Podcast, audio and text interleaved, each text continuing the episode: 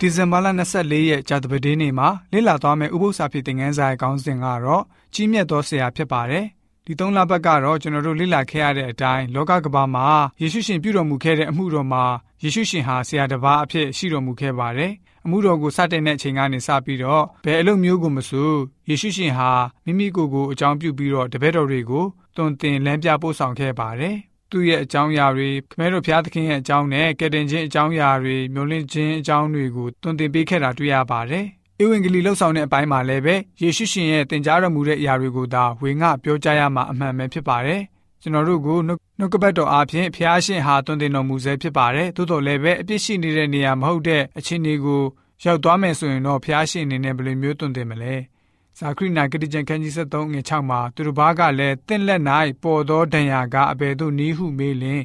ဤဒဏ်ရာကအကျွန်ုပ်၏အဆွေခင်မုန်းအိမ်၌ခံရသောဒဏ်ရာဖြစ်ပါသည်ဟုပြန်ပြောလိမ့်မည်ဆိုပြီးတော့တွေ့ရပါတယ်။ဝိညာဉ်တော်စပစ်ဖြစ်တဲ့ Ijikwai The Great Controversy စာမျက်နှာ688မှာဆိုလို့ရှိရင်သာရကာလအချိန်မှာခရစ်တော်ရှင်နဲ့ဘုရားသခင်ရဲ့ဘုန်းတော်ဟာပိုးပြီးတော့ထွန်းပြောင်စေမယ့်အချိန်ဖြစ်ပါတယ်။အတက်ပညာတွေတိုးတက်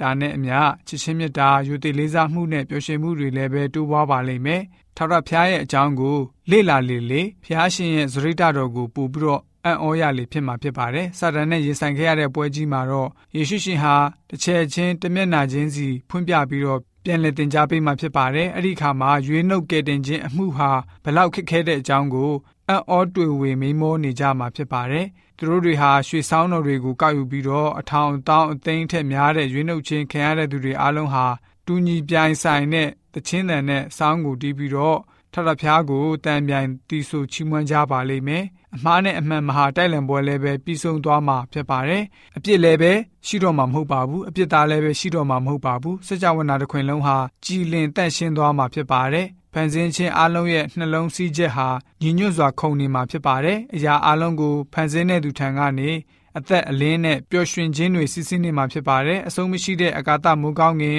အုပ်ဆိုင်ခြင်းမရှိဘဲနဲ့ပျော်ရွှင်ခြင်းအပြည့်နဲ့ ပြေဝမှာဖြစ်ပါတယ်။စကြဝဠာတစ်ခွင်လုံးကနေထာဝရဘုရားဟာချစ်ချင်းမြတ်တာဖြစ်တော်မူတယ်လို့ကြွေးကြော်မှာဖြစ်ပါတယ်ဆိုပြီးတော့ဝိညာဉ်တော်စာပေကဖော်ပြလိုထားပါတယ်။ထာဝရနိုင်ငံတော်ကကျွန်တော်တို့သင်ယူရမယ့်အမှန်တရားတွေဟာအလွန်မှပင်ကြီးကျယ်လာပါတယ်။ခရစ်တော်ရဲ့ပူဇော်ခံခြင်းအကြောင်းထက်ဘယ်အကြောင်းကားမှမှုမြင်ခြင်းမရှိပါဘူး။ထာဝရနိုင်ငံတော်မှာသင်ယူရမယ့်အရာတွေပြီးတော့သင်ခန်းစာတွေဟာဆိုလို့ရှိရင်တကယ်ပဲအံ့ဩမှုတွေနဲ့ပြည့်ဝမယ်ဆိုတာကိုသိရှိစေဖို့အတွက် ဂျာတပဒင်းနဲ့ဥပုသ္စာဖြစ်သင်ခန်းစာကဖော်ပြထားပါတယ်။